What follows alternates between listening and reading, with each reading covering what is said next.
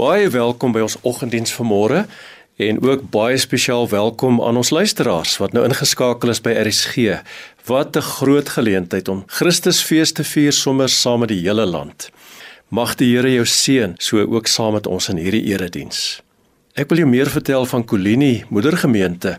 Ons gemeente is nou al 109 jaar oud en ons is geleë in die hart van die dorp Kolini tussen Lichtenburg en Klerksdorp.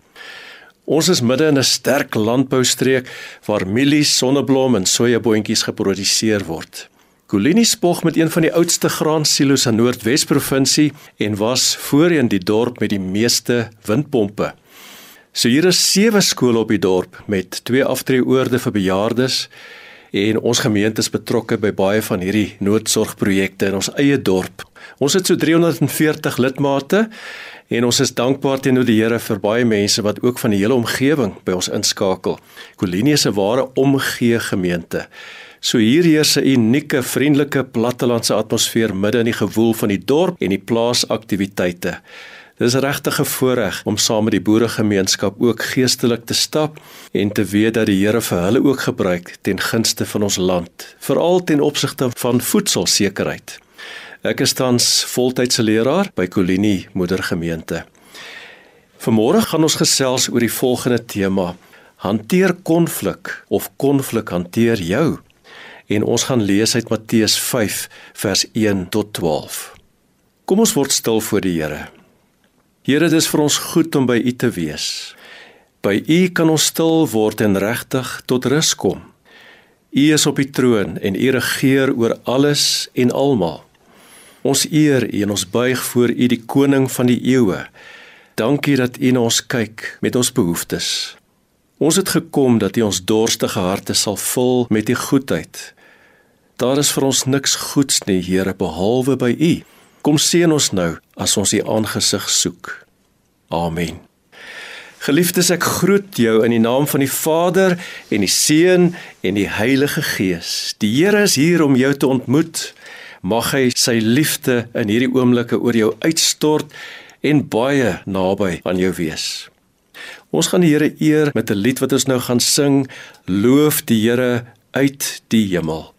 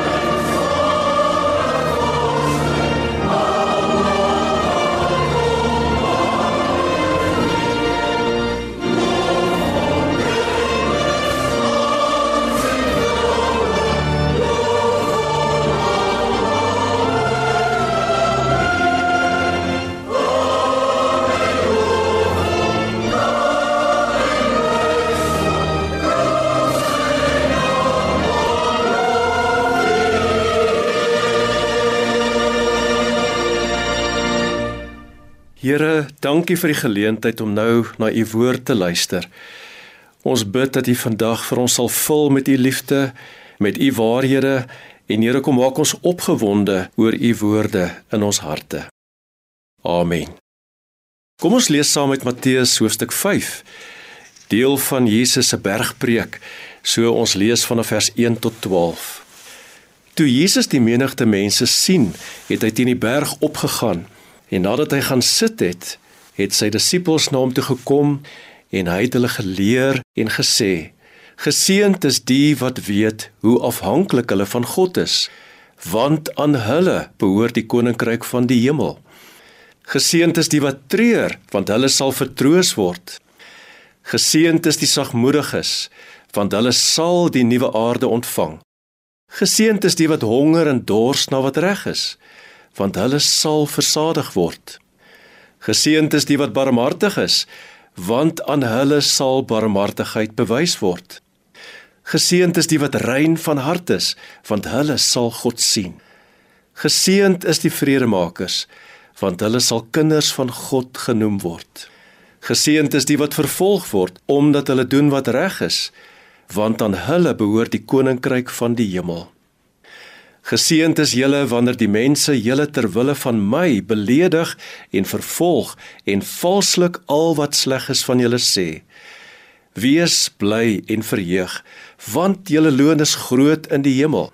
Hulle het immers die profete voor julle net so vervolg.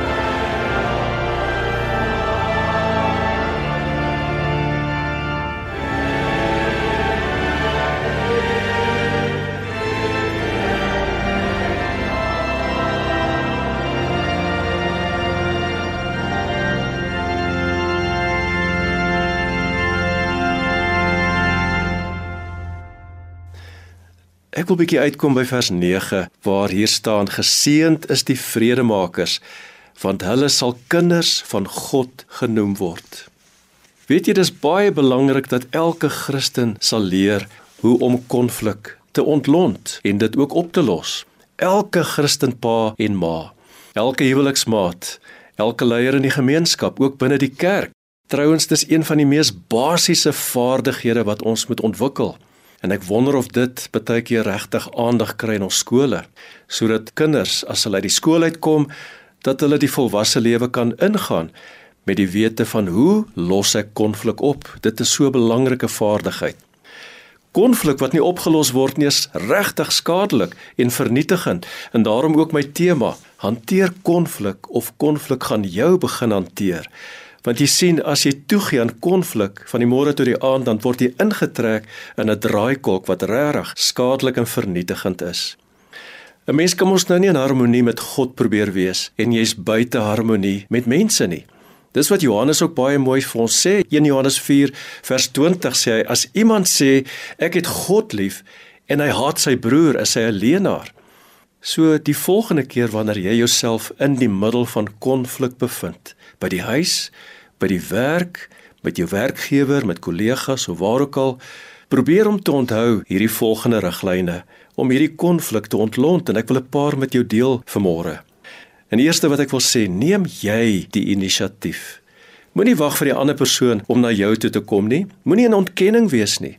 Wees jy die vredemaker wat God jou geroep het om te wees. Daar is so baie van ons wat glad nie hou van konflik nie. Nee, ons probeer dit vermy op allerlei maniere. Ons ontvlug dit, ons ontduik dit, ons wil dit sy stap, ons wil dit ignoreer, ons wil dit ontken. Ons wil baie dinge doen met konflik, maar ons wil dit net nie hanteer nie. Ons wil dit net nie oplos nie. En jy weet konflikoplossing val nie sommer net uit die lug uit nie. Dit gebeur nie sommer net outomaties of sommer net van self nie. Jy moet intentioneel kies om dit te doen. En om hierdie inisiatief te neem, dit vra nogal baie moed en dapperheid. En ons voel nie altyd lus om dit te doen nie, want baie keer in my binneste skree alles dat ek net wil wegkom en wil wegkruip. Maar die liefde van Christus dring ons om dit te doen. Die liefde van Christus gee vir ons die moed om dit te doen. En dit is my so mooi vers 1 Johannes 4 vers 18 waar Johannes sê daar is geen vrees in die liefde nie. Die volmaakte liefde dryf die vrees na buite. Wanneer ek my hart oopmaak vir die liefde van Christus, dan oorweldig sy liefde vir my. En sy liefde is baie groter as die vrees in my hart. Dan neem jy die inisiatief om vrede te maak in jou verhoudinge. Nog 'n beginsel wat ek met jou wil deel. Wanneer jy besig is om konflik te probeer oplos of te ontlont, erken jou aandeel in die konflik, want jy weet dit vat mos nou twee mense om te beklei. Dalk voel jy die ander een is meer skuldig en jy's so half bietjie onskuldig. Maar ek dink in nederigheid moet ons maar self erken dat ons ook 'n bietjie skuld het, want ons ken mos nou daai Engelse uitdrukking wat sê it takes two to tango. Dit vat twee mense om te beklei. Die een begin die bekleierery en die ander een maak dit klaar. En buitendien, almal van ons het maar ons blinde kolle. In die bergpredikasie het Jesus vir ons juis daarin herinner aan hierdie blinde kolle wat ons almal het en dit moet ons hanteer en ons moet dan aanbeweeg. Daai blinde kolletjie in my oog, elke oog het so blinde kolletjie waar jy nie kan sien nie en gelukkig stem dit nou nie ooreen met die twee oë wat ek het nie en daarom kan jy eintlik altyd sien. Maar ons praat ook van die blinde kol in die motor. Die bestuurder kan nie agter hom sien nie. So dis die plek waar die bestuurder nie mooi kan sien agter sy rug nie. Die sielkundiges praat ook van die blind spots, die blinde kolle in ons lewens waar jy kyk na die foute van ander En intussen besef jy nie maar jy dieselfde fout. Jy wil dit nie erken nie. Jy dalk 'n groter fout rondom daardie spesifieke saak as die ander persoon. Of ander mense sien dinge in jou lewe raak wat jy nie raak sien nie. Dit is alles blinde kolle waarvan ons bewus moet wees en veral ten opsigte van konflik. Jesus sê in Matteus 7 vers 3: "Waarom sien jy die splinte raak wat in jou broer se oog is, maar die balk in jou eie oog merk jy nie op nie?" Of hoe kan jy vir jou broer sê: "Wag, laat ek die splinter uit jou oog uithaal en intussen is daar 'n balk in jou eie oog?" Verhoudings kan dikwels in 'n verkeersknoop beland, 'n traffic jam, soos die Engelse sê. Ons voel vasgekeer soos wat ons wag dat die ander persoon die eerste skuif moet maak.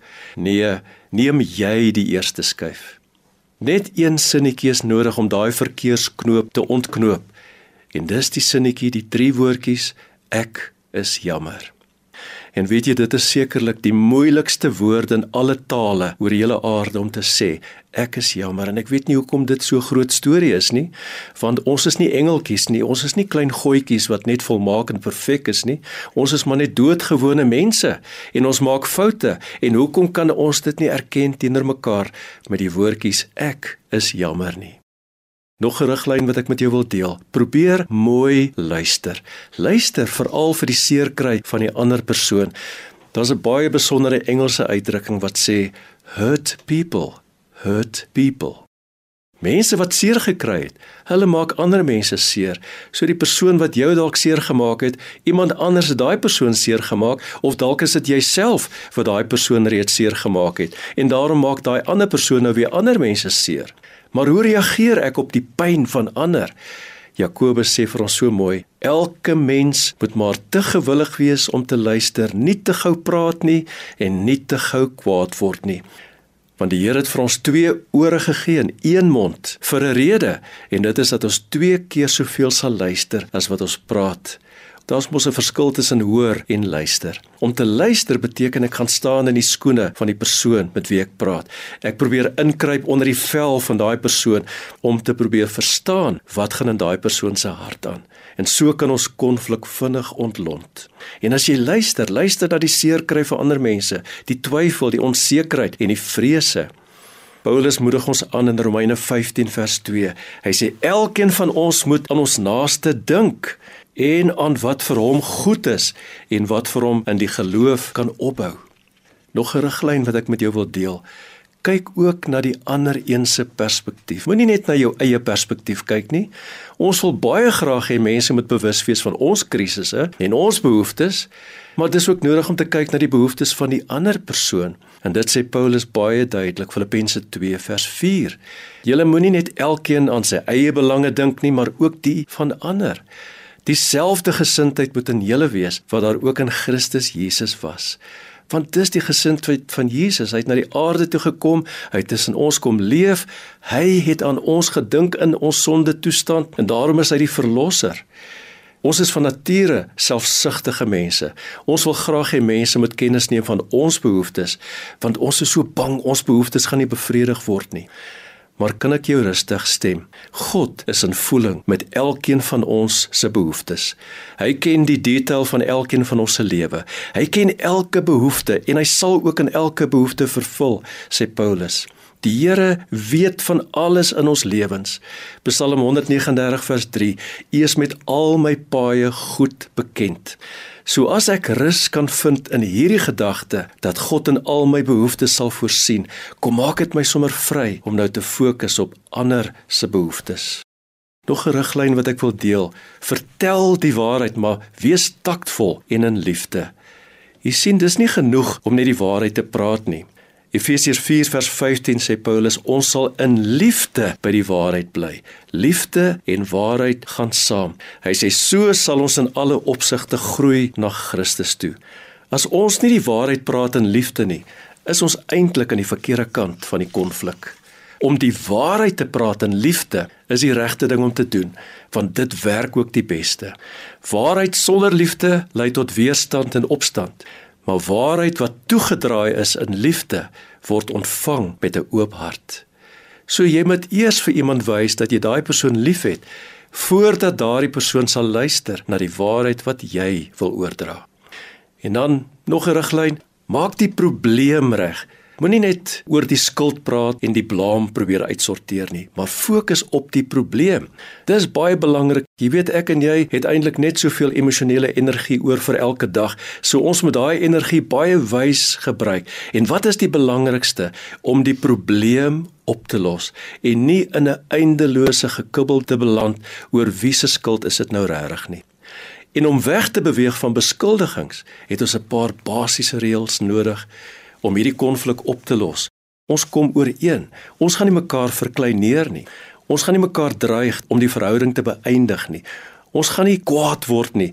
Ons gaan nie mekaar in die rede val nie. Dis praktiese dinge. En dan kom Paulus in Kolossense 3 vers 8 en hy wys vir ons ander dinge ook wat ons moet vermy. Woede, haat, nait, gevloek, vuil taal.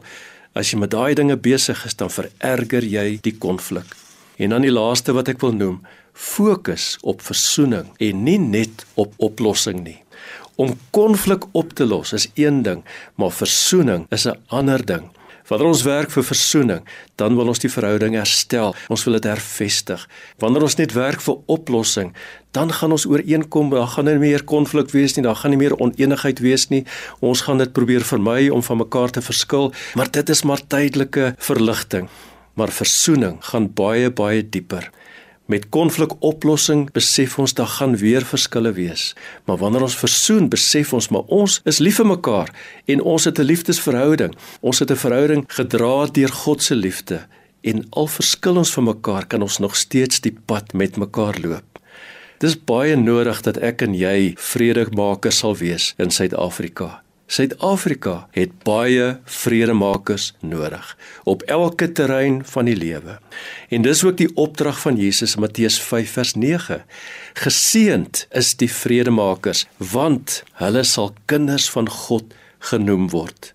Daar is oral konflik in die wêreld en ek kan kies om te onttrek of die konflik te ignoreer of ek gaan daaraan deelneem en ek gaan dit net erger maak. Maar daar's ook 'n ander keuse Ek kan kies dat die Here vir my gebruik om instrument van sy vrede te wees sodat hierdie konflik ook opgelos kan word. Dit is die besluit wat God eer. Ek weet nie wat vanmôre jou situasie is nie. Dalk is jy in 'n ernstige konfliksituasie. Mag die Here vir jou help sodat jy vanmôre en ook in die tyd wat kom regtig sy vredemaker sal wees. Amen. Here, dankie dat U vanmôre op 'n praktiese wyse met ons kom praat uit U woord uit. Dankie vir die riglyne van U woord. Here Jesus, U het gekom om die vrede te herstel tussen God en mens, maar ook tussen mens en mens. Dankie dat U vir ons die pad kom wys het. U het die pad kom loop hier op die aarde. U help vir ons, Here, dat ons in U voetspore sal volg en ook vredemaker sal wees tot U eer. Kom seën al ons huwelikspare wat luister. Kom seën al ons gesinne, ons families waar daar baie keer so baie spanning is. Werksverhoudinge tussen kollegas. Ons vra Here ook in die politiek, ook in die stadkundige bedeling van Suid-Afrika. Bring vrede, u vrede ook na ons land toe, in kerke, in synodes, Here by gemeentes, op alle terreine bring u vrede en ons wil ons harte oopmaak ook daarvoor in ons eie omgewing, in ons eie dorp of plek waar ons bly. Kom seën vir ons in die res van hierdie dag. En dit alles bid ons in Jesus se naam. Amen.